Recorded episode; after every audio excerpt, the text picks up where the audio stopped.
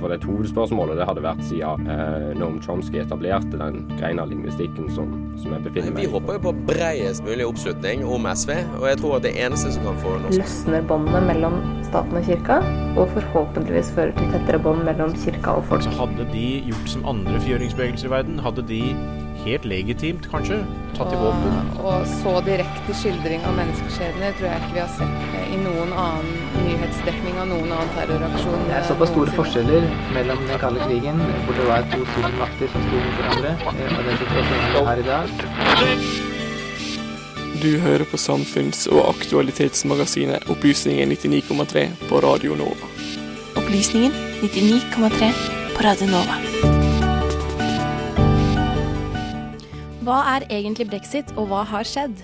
Flere studenter frykter at det skal bli vanskeligere å studere i Storbritannia etter brexit. Og hvorfor er Nord-Irland-Irland-grensen en så viktig del av brexit-forhandlingene? Hvilke konsekvenser kan brexit ha for handel og grenser?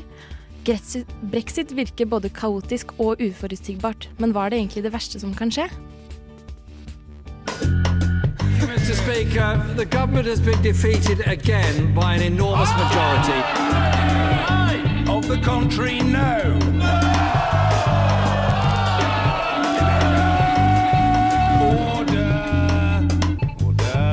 Du lytter til Brexit-bonanza i Opplysningen 99,3 på Radio Nova. Brexit oppfattes av mange som en utrolig langvarig og komplisert prosess og med daglige forsider om utsettelser, forsinkelser, avstemninger og kaos, er det vanskelig å henge med på hva som skjer, og hva som har skjedd. Her kommer en tidslinje over hva som har skjedd i Storbritannia siden brexit-avstemningen. Avstemningen om fortsatt britisk EU-medlemskap kom som et resultat av et økt press mot daværende statsminister David Cameron ettersom Storbritannias avtale lå oppe til reforhandlinger.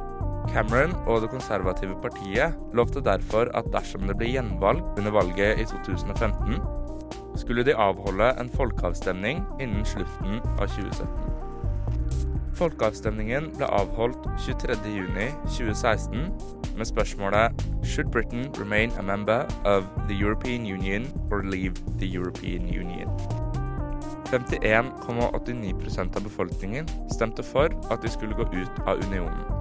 Og Cameron erklærte kort tid etter at han ville gå av som statsminister, og ble erstattet av Theresa May 13.07 samme året, bare 20 dager etter folkeavstemningen. Mars 2017 vedtok det britiske parlamentet en lov som ga regjeringen fullmakt til å forhandle frem en avtale med EU. Og 29.3.2017 ble artikkel 50 iverksatt, som ga Storbritannia to år på å utarbeide en avtale med mål om utmelding 29.3.2019. 15.1.2019 ble avtalen fremlagt for det britiske parlamentet og nedstemt med 230 stemmer. En lett revidert utgave av avtalen ble fremlagt 24.2, men også denne ble nedstemt. Siden det ikke var noen enighet om en avtale, stemte det britiske parlamentet 12.3 over en utsettelse av avtalen. Og 20.3 kunngjorde Theresa May at hun hadde sendt et brev til EU om en utsettelse til 30.6. EU svarte at den siste mulige fristen ville være 22. mai grunnet valg til EU-parlamentet, men gjorde også klart at dette var forutsatt at Storbritannia godkjente avtalen Dersom de ikke skulle gjøre dette, ville Storbritannia måtte forlate i dag, 12. april. På onsdag møtte ledere fra EUs medlemsland i Brussel, og de ble enige om å sette en ny frist til 31. oktober 2019. Storbritannia kan imidlertid forlate EU før den tid, dersom regjeringen får parlamentisk medhold til det. Dersom dette skjer før 22. mai, kan landet unngå å måtte holde valg til Europaparlamentet. Men dersom det skjer etter 22. mai, kan det hende at landet må holde valg til Europaparlamentet. Men EUs president Donald Tusk legger i en pressekonferanse til Vær så snill og ikke kast bort tiden. Dermed forlater ikke Storbritannia EU i dag 12. april, Men med utfordringene i bakhodet er det ikke en lett oppgave de har foran seg. Hei og velkommen til Opplysningen 99,3. Jeg er Josefine Marstad, og med meg i studio i dag har jeg Sander Georg Lia Zakaria. God morgen. Ukas sending er en spesialsending som handler om brexit. Og Sander har laget en kort innsnutt om brexit, som dere nettopp hørte. Ja, Så skal du intervjue noen nå? Yes. Storbritannia er kjent for sine stolte utdanningsinstitusjoner, som bl.a. University of Oxford, Cambridge og London. Hvert år strømmer utenlandske studenter til de anerkjente britiske universitetene. Men etter brexit blir det kanskje ikke like enkelt. For flere utenlandske studenter som allerede har begynt på studier i Storbritannia, er det stor usikkerhet om hvordan brexit kommer til å påvirke deres studieløp. Forsknings- og høyere utdanningsminister Iselin Nybø har tidligere i år frarådet studenter å dra på utveksling til Storbritannia til høsten. Hvordan kommer brexit til å prege utenlandske studenters muligheter for å studere i Storbritannia? Med oss i studio har vi Hanna Flod, president i ANSA, organisasjonen for norske studenter i utlandet. Velkommen til oss. Tusen takk. Kan du først si litt om hva studenter frykter aller mest vil skje i etterkant av brexit? Eh, de frykter jo at det kan bli vanskeligere å dra og studere i Storbritannia. Eh, fordi nå er det jo veldig enkelt, siden Storbritannia er medlem av EU. Så det er jo eh, fullt lov å oppholde seg og jobbe i Storbritannia og studere der. Og det er på en måte ikke noe grensehinder sånn sett. da. Så de frykter jo at det kanskje vil bli vanskeligere enn det det er nå, og en mer tungvint prosess. Ja. Um, hvilke utfordringer tror du norske studenter vil møte dersom de ønsker å studere enten deler eller hele studieløpet sitt i Storbritannia? Eh, først og fremst, hvis de ikke får en eh, hard Eller hvis de får en hard brexit, så vil jo Erasmus eh, by på mye utfordringer. Men sånn generelt, da, så vil det jo være det at prosessen for å få visum og sånne ting kanskje blir tungvint hvis det blir visumplikt for folk som vil studere i Storbritannia. Det er som sagt veldig mye man ikke vet, og ting avhenger veldig av om det blir en soft eller hard brexit. Ja. Men hvordan jobber britiske universiteter med dette? Prøver de liksom å danne noen avtaler som vil gjøre det lettere for utenlandske studenter å studere der? Jeg tror allerede det er en del eh, eh, britiske universiteter som har avtaler med eh, europeiske universiteter som ikke da er Erasmus.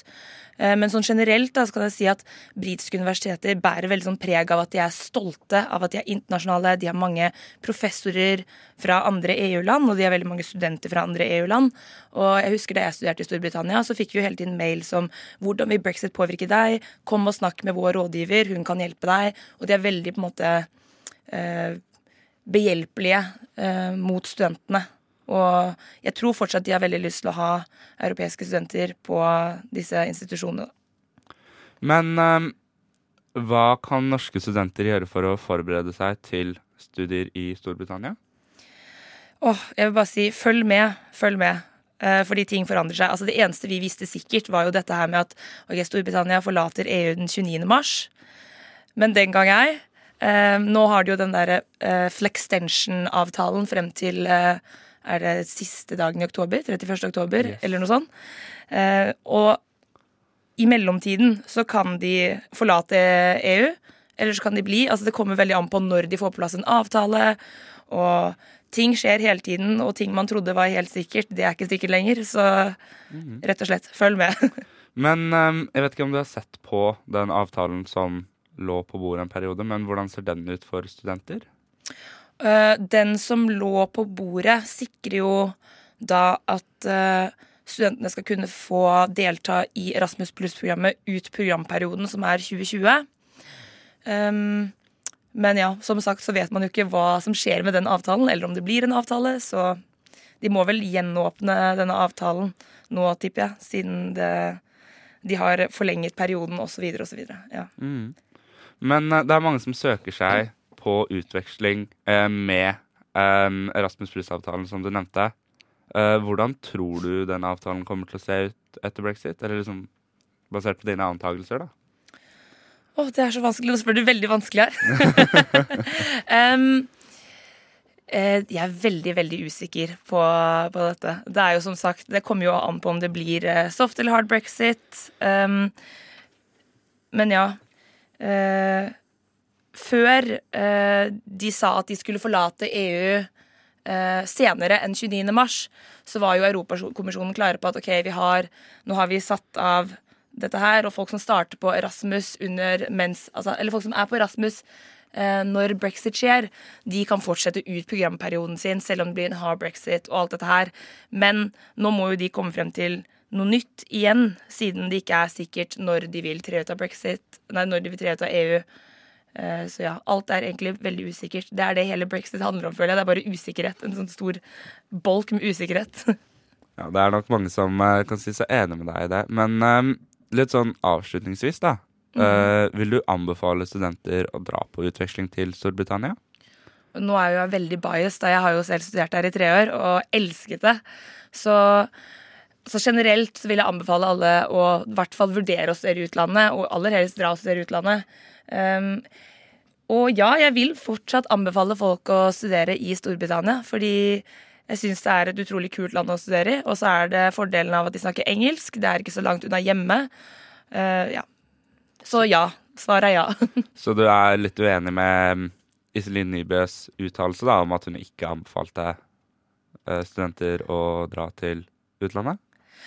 Kanskje ikke på Erasmus, uh, fordi man ikke helt vet om man kommer til å få lov til å fullføre eksamen, eller om man kommer til å få lov til å fortsette på studiene.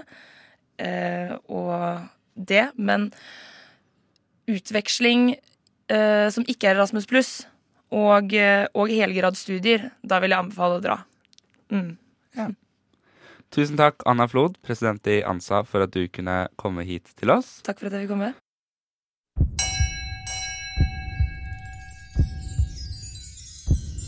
Ukas opplysning. Brexit. Hva slags avtale ligger på bordet, hva innebærer den, og hvorfor har den blitt nedstemt så mange ganger? Avtalen fra Teresa May, som er statsminister i England, er på 585 sider. Helt siden britene stemte for å forlate EU i 2016, har forhandlingene pågått. Statsministeren som legger fram dette sluttdokumentet og forslaget for parlamentet, opplever et enormt press. Hun advarer at å stemme ned hennes forslag vil bety en EU-krasj for landet, og kaller det uforsvarlig. På den ene siden her er det parlamentsmedlemmer som støtter EU-medlemskap, og på den andre siden finner du dem som mener Storbritannia skal gå ut av EU med et smell.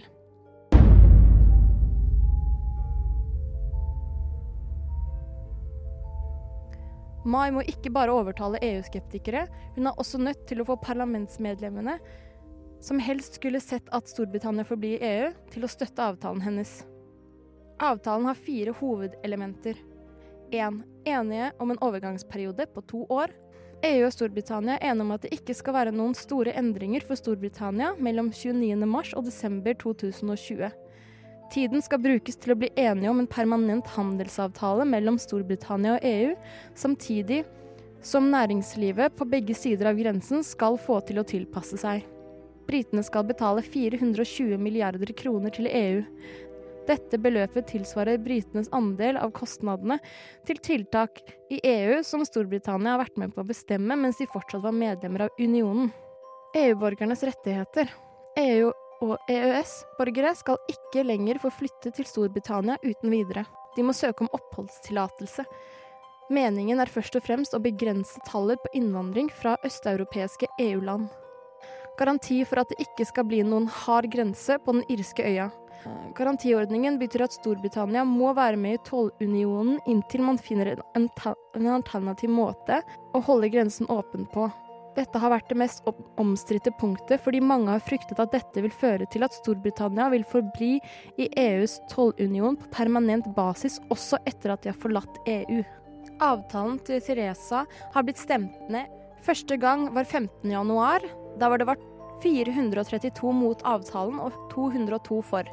Lett rekvidert utgave ble nedstemt 24. februar, og de planla å legge det fram en gang til 21. Men det går ikke. Altså I henhold til britisk lov kan det ikke legges frem samme saken uendret mer enn én gang for hver parlamentsperiode. 3.4.2019 ble nytt brexit-forslag nedstemt igjen.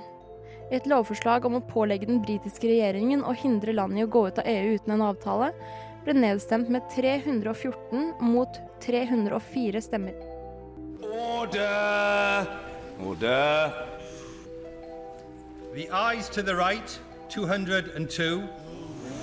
The nose to the left, 432. I brexit-forhandlingene snakkes det mye om Nord-Irland og Irland-grensen. Hvorfor er akkurat denne grensen så viktig? Dette skal du få høre mer om nå i et innslag laget av Anna Lea Poppe Thorseth. Eh, og her er det brukt illustrasjonslyder. For å forstå hvorfor grensen mellom Irland og Nord-Irland er blitt en så sentral del av brexit-forhandlingene, må vi ta et lite historisk tilbakeblikk. Tilbake til 1968, til The Troubles, eller Nord-Irland-konflikten som vi kjenner den som i Norge. Konflikten mellom protestanter og katolikker går enda lenger tilbake i tid. Men under The Troubles spisset den seg mer og mer til langs grensen mellom Irland og Nord-Irland. Utover sommeren i 1969 ble det stadig mer voldelige sammenstøt mellom de to gruppene. Britene støttet protestantene fra Nord-Irland, mens Irland støttet katolikkene. Konflikten resulterte i en 30 år lang borgerkrig som endte i Belfast-avtalen, som bl.a. førte til at Nord-Irland ble en demokratisk stat. Under The Troubles var grensen tungt bevoktet, men i dag kan det være vanskelig å se at det er en landegrense i det hele tatt. Det er mye fredeligere langs grensen, og mer eller mindre fri flyt av mennesker og varer. I dag frykter flere at grensen ikke vil være like åpen etter brexit, og at den gamle konflikten skal blusse opp igjen. Det er også flere som jobber på én side av grensen, men bor på den andre. De frykter nå at det vil være så vanskelig å krysse grensene etter brexit, og at de dermed vil måtte slutte i jobben. Det kan hende Nord-Irland og Irland vil måtte følge ulike toll- og reguleringsregler, og flere frykter at det vil føre til en omfattende sjekk av alle varer som krysser grensen. Theresa May har lovet at hun skal finne en brexit-avtale som også de som bor i Nord-Irland vil støtte. Om hun får til dette, gjenstår å se. Mr. Speaker, the government has been defeated again by an enormous majority. Of the country, no.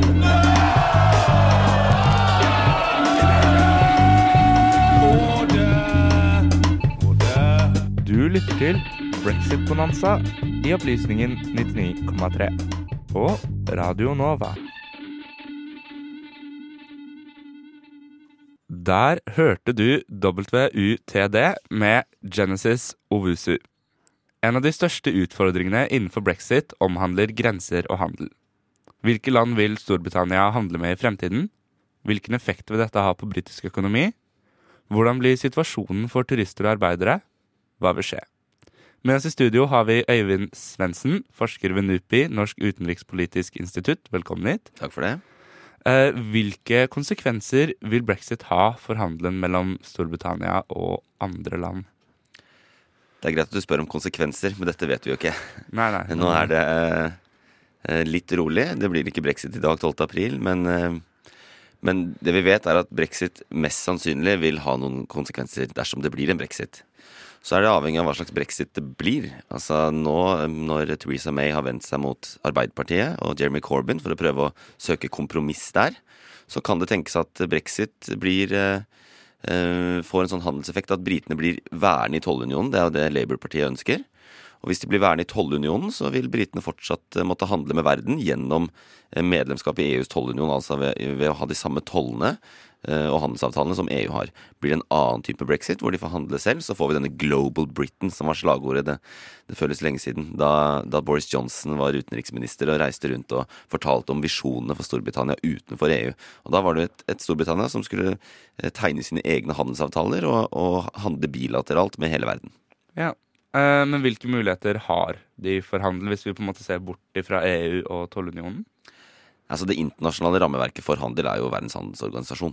Så det har vært britenes poeng hele tiden, at uh, om vi går ut uh, av EU og ikke er med i det indre markedet der og tollunionen, så kan vi fortsatt handle med verden. Vi kan handle med EU. Da må, da må britene ha en avtale med EU, fordi EU er en tollunion. Uh, og så kan de tegne bilaterale avtaler med andre land og handle gjennom de, reglene som, de internasjonale reglene som vi har gjennom Verdens handelsorganisasjon. Mm.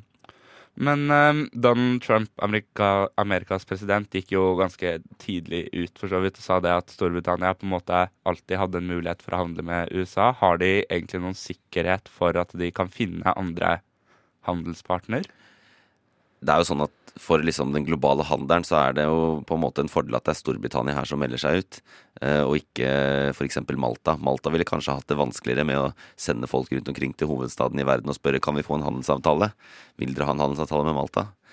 Eh, men, eh, men britene er en stor og sterk økonomi, og selv om de er svært svekka diplomatisk nå gjennom liksom symbolsk hvordan man ser på Storbritannia i diplomatiet, så, så har selvfølgelig alle land i verden USA inkludert, interesse av å handle med eh, Storbritannia rent økonomisk. Når det gjelder Donald Trump, eh, så er jo han også en eh, varm eh, venn av Storbritannia, og senest i går tror jeg så han eh, ut på Twitter eh, mot EU, da, som han syns kjører britene for hardt. Så, så, amerikanerne er helt klare for å tegne handelsavtale med britene.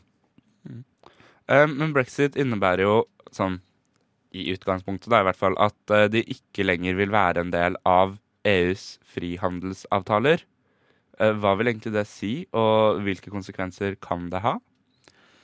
Altså I EU, altså EU det er to ikke sant? Det er det indre markedet. Det er jo uh, nettopp frihandelen, hvor uh, frihandelen innad i unionen. Hvor varer, tjenester, personer og kapital kan flyte, flyte fritt uh, rundt i EU. Uten toller, uten noen som helst ting. Så det er det indre markedet. og så er det tollunionen som gjør at ingen av landene i EU kan ha handelsavtaler med andre land for seg selv. Det er én tollunion, så det må være samme toll på la oss si eh, eh, kaffebønner eh, importert til Storbritannia eller kaffebønner importert til Tyskland. Det må være samme toll. Tyskerne og britene kan ikke ha ulike tollsatser. Det er EUs tollsatser som gjelder. Så avhengig av hvordan, dette, hvordan avtalene blir i fremtiden, det vil regulere liksom, konsekvensene, da. Men vi kan også regne med, og det, det ligger jo i denne i tillegg til utmeldingsavtalen så, en, så foreligger det en politisk, eh, politisk eh, et dokument, en deklarasjon, hvor de har sagt sine intensjoner. Og begge parters intensjoner er at man skal fortsette å handle. Man vet bare ikke akkurat hvordan det blir. Blir det med britene i en tollunion, eller blir de stående utenfor? Alle disse tingene er jo litt oppe i lufta, men det virker som at når det gjelder britenes handel med Europa og EU, så er det fortsatt vilje eh, til å få til en løsning hvor man kan handle mer eller mindre som før. Uh, Storbritannia er jo en av Norges største handelspartnere for varer, og tredje størst dersom olje og gass holdes utenom. Uh, I hvilken grad vil Norge bli påvirket av brexit, sånn med tanke på det? Norge er jo med i EØS, men vi er ikke med i tollunionen. Så vi er del av det indre markedet i EU, men vi er ikke med i tollunionen. Sånn at uh, i utgangspunktet så er det sånn at uh, når det gjelder handelen, så rammes Norge på samme måte som EU pga. dette med, med, EØS. Norge er med i det indre markedet i EU. Men Norge har uh, eh, tegna en avtale med Storbritannia, hvor, uh, som også er en sånn tilfelle, rottefelle, ikke sant. Dersom dette krasjer ut og man ikke har noen avtale, så uh, så ligger det en avtale på jeg tror den er på 70 sider mellom Norge, Island og Storbritannia, hvor man nettopp har sørga for at uh, man skal, uh, på de viktigste områdene i hvert fall, ha uh, knirkefri handel, altså en mykest mulig brexit, selv om det blir en eventuell hard brexit, også mellom Norge og Storbritannia. Så det er klart, På Vestlandet og fiskerinæringen og sånn, de er selvfølgelig veldig bekymra. Det eksporteres masse fisk til, til Storbritannia. Fish and chips, ikke sant. Mye norsk torsk der.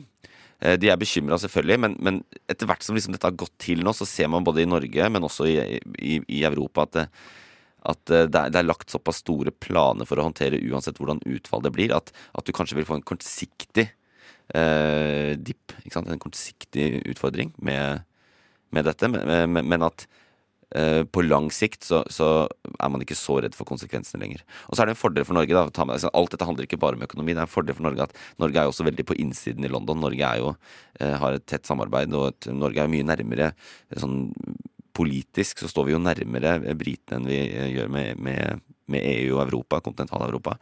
Så, så, her det har vært eh, heftig diplomatisk arbeid hele veien for å, for å sørge for å holde på det forholdet, for å få best mulige ordninger også etter brexit. Du nevnte eh, kort denne avtalen mellom Norge, Storbritannia og Island, som skal liksom regulere eh, handelen da, når brexit inntreffer, eller dersom brexit inntreffer. Alt ligger jo ute i lufta. Men eh, Kan du bare utdype litt mer om den? Altså, Norge, eh, Sånn som det er nå, så handler jo Norge med Storbritannia, akkurat som Tyskland handler med, Storbritannia, fordi vi er i EØS, ergo vi er en del av det indre markedet i EU. Men hvis man nå krasjer ut, ikke sant, så, så, er, eh, så står Norge på egne bein i forhold til eh, Altså i forholdet med Storbritannia. Så derfor har man laget en avtale. Jeg kan ikke, altså Detaljene i avtalen det, Jeg vil ikke kunne gå inn på det, men det jeg kan si at det, det handler om å, å videreføre de viktigste delene på handel fra EØS-avtalen. EØS-avtalen og indre markedet handler jo også om fri flyt av personer. Det vet vi at britene det, det, det er jo en av de viktigste grunnene til at vi har brexit. Sant? Men akkurat de, de delene som handler om handel, for å ikke ramme næringer som er avhengig av eksport og import, så har man tegnet en avtale hvor man rett og slett bare har klippet ut de viktigste handelsområdene fra EØS-avtalen, satt de inn i denne og sagt den dagen britene krasjer ut uten en avtale, hvis det skulle skje, så har vi denne avtalen som ligger klar. Du nevnte dette med, dette med fri av eh, arbeidere. Um, for Storbritannia er jo ikke i dag et medlem av Schengen. Men hvilke konsekvenser kan brexit få for EU- og EØS-borgere som ønsker å reise eller jobbe i Storbritannia? Dette, var, dette er det en del snakk om, det, men det brukes mindre og mindre som politisk, eh, som politisk eh, argumentasjon. Fordi at det er Det tyder veldig Dere hadde jo akkurat Ansa inne her. ikke sant? Det, det, det er veldig lite som tyder på at dette skal gå utover borgerne. Og det har vært alles klare standpunkt fra første stund. Og denne utmeldingsavtalen på, på 600 sider har jo en stor del om nettopp det, borgeres rettigheter. Og det var en av de viktigste tingene for både EU og Storbritannia å bli enige om. Borgernes rettigheter må sikres. Sant? Eh, vi kan ikke ha, få et brexit hvor plutselig eh, britene kan kaste ut eh, 200 000 polakker på dagen, mens, mens eh, fem millioner briter som bor i, i Europa, blir sendt tilbake til Storbritannia. Så det er egentlig på plass, det meste. Og Norge har jo også en, en bilateral avtale der også. Skulle vi krasje ut, så har Norge en avtale om at norske borgere i Storbritannia er sikra, og det samme gjelder den andre veien. Yes. Øyvind Svendsen, vitenskapelig assistent eh, og forsker ved NUPI. Du blir her litt til. Speaker, the government has been defeated again by an enormous majority. Of the country, no.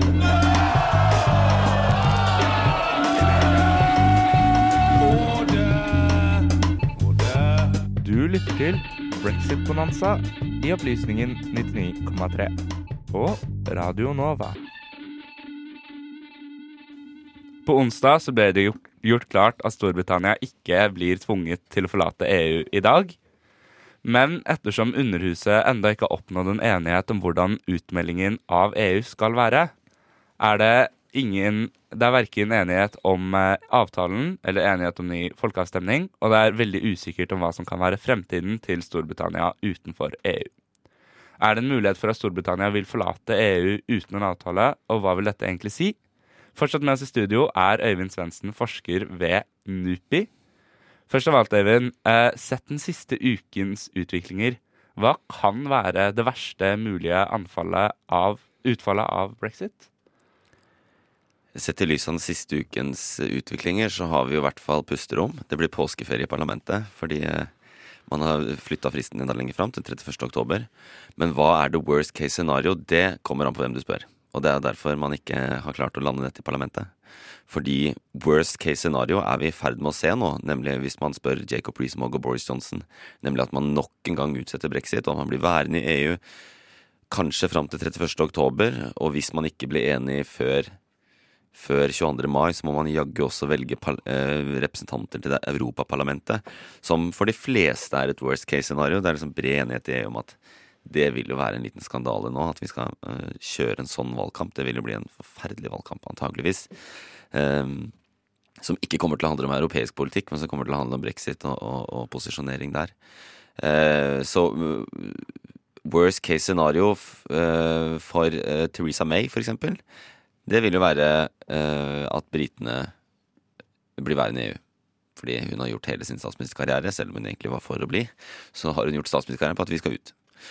Så hun er jo inni Hun har jo lovet at det skulle skje 29. mars, så vi er i worst case scenario for Theresa May. For for remainerne, de som ønsker å bli EU, så er vi Så er worst case scenario ikke bare remainerne, egentlig, for, for veldig mange andre. Worst case scenario 31. oktober, halloween-kvelden. Britene går ut uten avtale. Det, jo, det har vært det cliff edge. Det har vært det, det chaos-scenario for mange, at de går ut uten avtale. Eh, mens for andre er worst case at de blir Ja. i EU. Ja, for det er jo virkelig en eh, trick or treat. eh, bare at det blir trick or trick, da, hvis de eh, må gå ut uten en avtale. Men eh, hvilke muligheter har egentlig Storbritannia for å komme seg ut av unionen nå? Ja, Det er jo Det blir spennende å se hvordan det der blir plukka opp i, i parlamentet i London. Fordi at eh, EU kjører hardball nå. Altså de er, der er man lei også. Eh, den, den enigheten, for å si det da, om en, om en frist den 31. oktober, det er jo knapt en enighet. Det var et samla EU som ønska at den fristen skulle være mye lenger. Men eh, Macron, den franske presidenten, sa eh, non. Sant? Så, så der var det, det var kamp, og er, nå begynner EU også å rives litt i, i føyningene her. fordi man, nå er det noen som bare vil ha de ut for å bli ferdig med det. Mens, mens eh, tyskerne, som, som har mest å tape på brexit rent økonomisk, de ønsker å gi en lengre frist. Så. Men eh, nå glemte jeg spørsmålet ditt, fordi jeg ville ta en digresjon. Ja. Eh, hvilke muligheter har de egentlig? Nettopp, ja. Det er altså De kan. De kan gå ut uten avtale. Sant? Eh, Det er selvfølgelig det har, det har vært en mulighet hele tiden. Det har vært et default, som man sier. Får man ingenting til, så blir det no deal brexit. Eh, Men da- den andre nå er egentlig, eh, og det er det som har kommet denne uka, det er fortsatt den samme utmeldingsavtalen som gjelder. Det, eh, så, så, så muligheten nå er å komme seg ut av EU med den fremforhandlede avtalen eh, og den politiske tilleggsdokumentet som, som eh, ligger ved. Der har EU sagt nå at vi kan gjøre noen små endringer til. Og det er antageligvis for å få med Labour, eh, sånn at Labour kan få noe å spille inn, i hvert fall, i denne tilleggsprotokollen. Men det er da to scenarioer, på en måte. Ut med den avtalen som er fremforhandla, eller ut uten en avtale. Men eh, det er jo fortsatt veldig mange som eh, driver og roper etter en ny folkeavstemning. Og selv om det er utrolig mye usikkerhet, altså bare rent generelt hva man skulle stemt på, eh, men er det fortsatt en mulighet for en ny folkeavstemning? Det er det. Eh, selvfølgelig.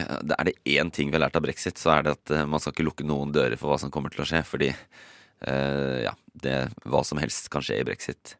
Det er som Game of Thrones, egentlig. Du, vet ikke. sant?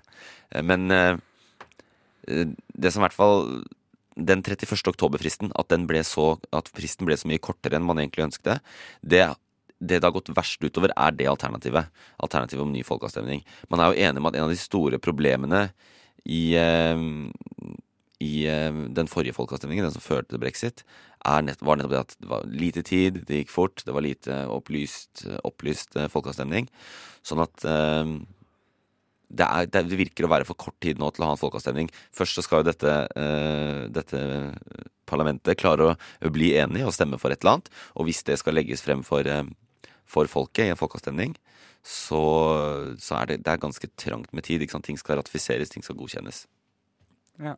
Um, hva er den mest sannsynlige veien ut av uh, Europa, eller EU, da, for Storbritannia, og hvorfor?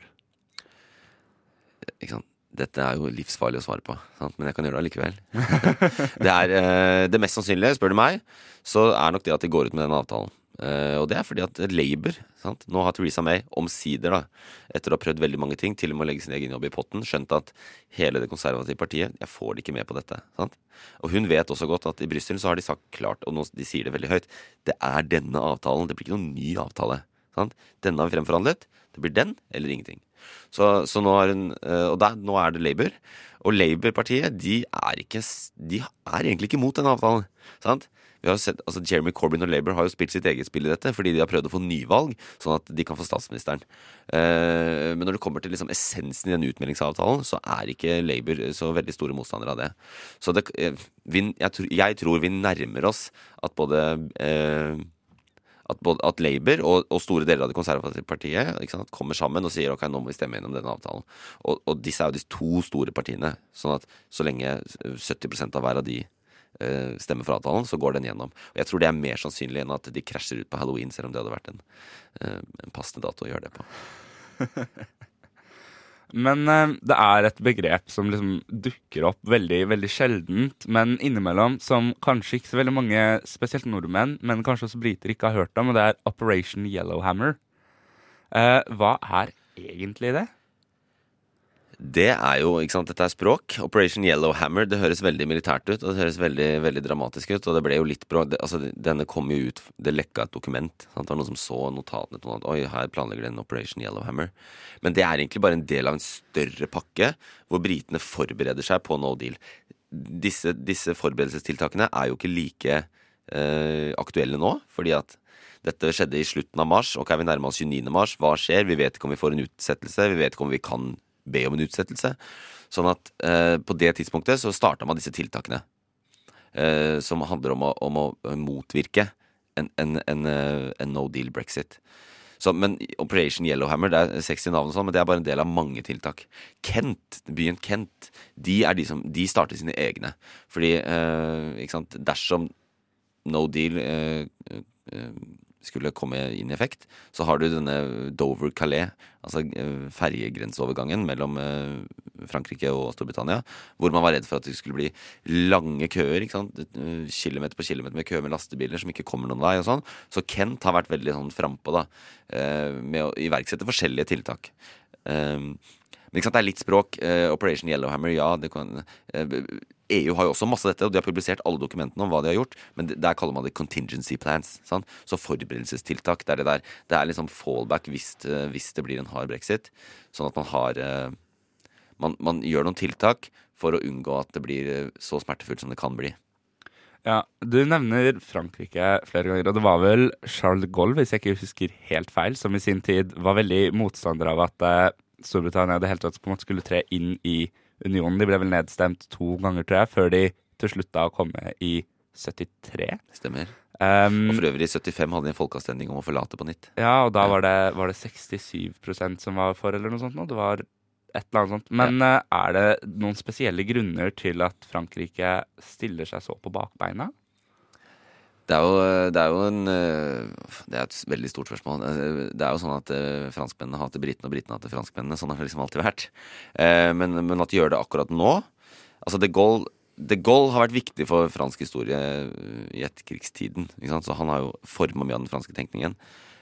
Om, også om integrasjon. Macron er en helt annen type enn de Gaulle, fordi Macron er Han er en brennende europeer. Sant? Samtidig som han er, en, han er veldig fransk også. Men, men, men han, øh, han har jo en to år gammel politisk karriere. Men han har noen visjoner for Europa. Og jeg tror at øh, grunnen til at han er vanskelig nå, er fordi han er Han er rett lei av, av hele brexit. Det er jo alle.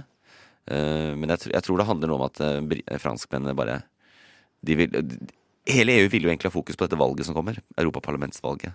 Men dessverre så, så blir brexit lenger enn de hadde håpet.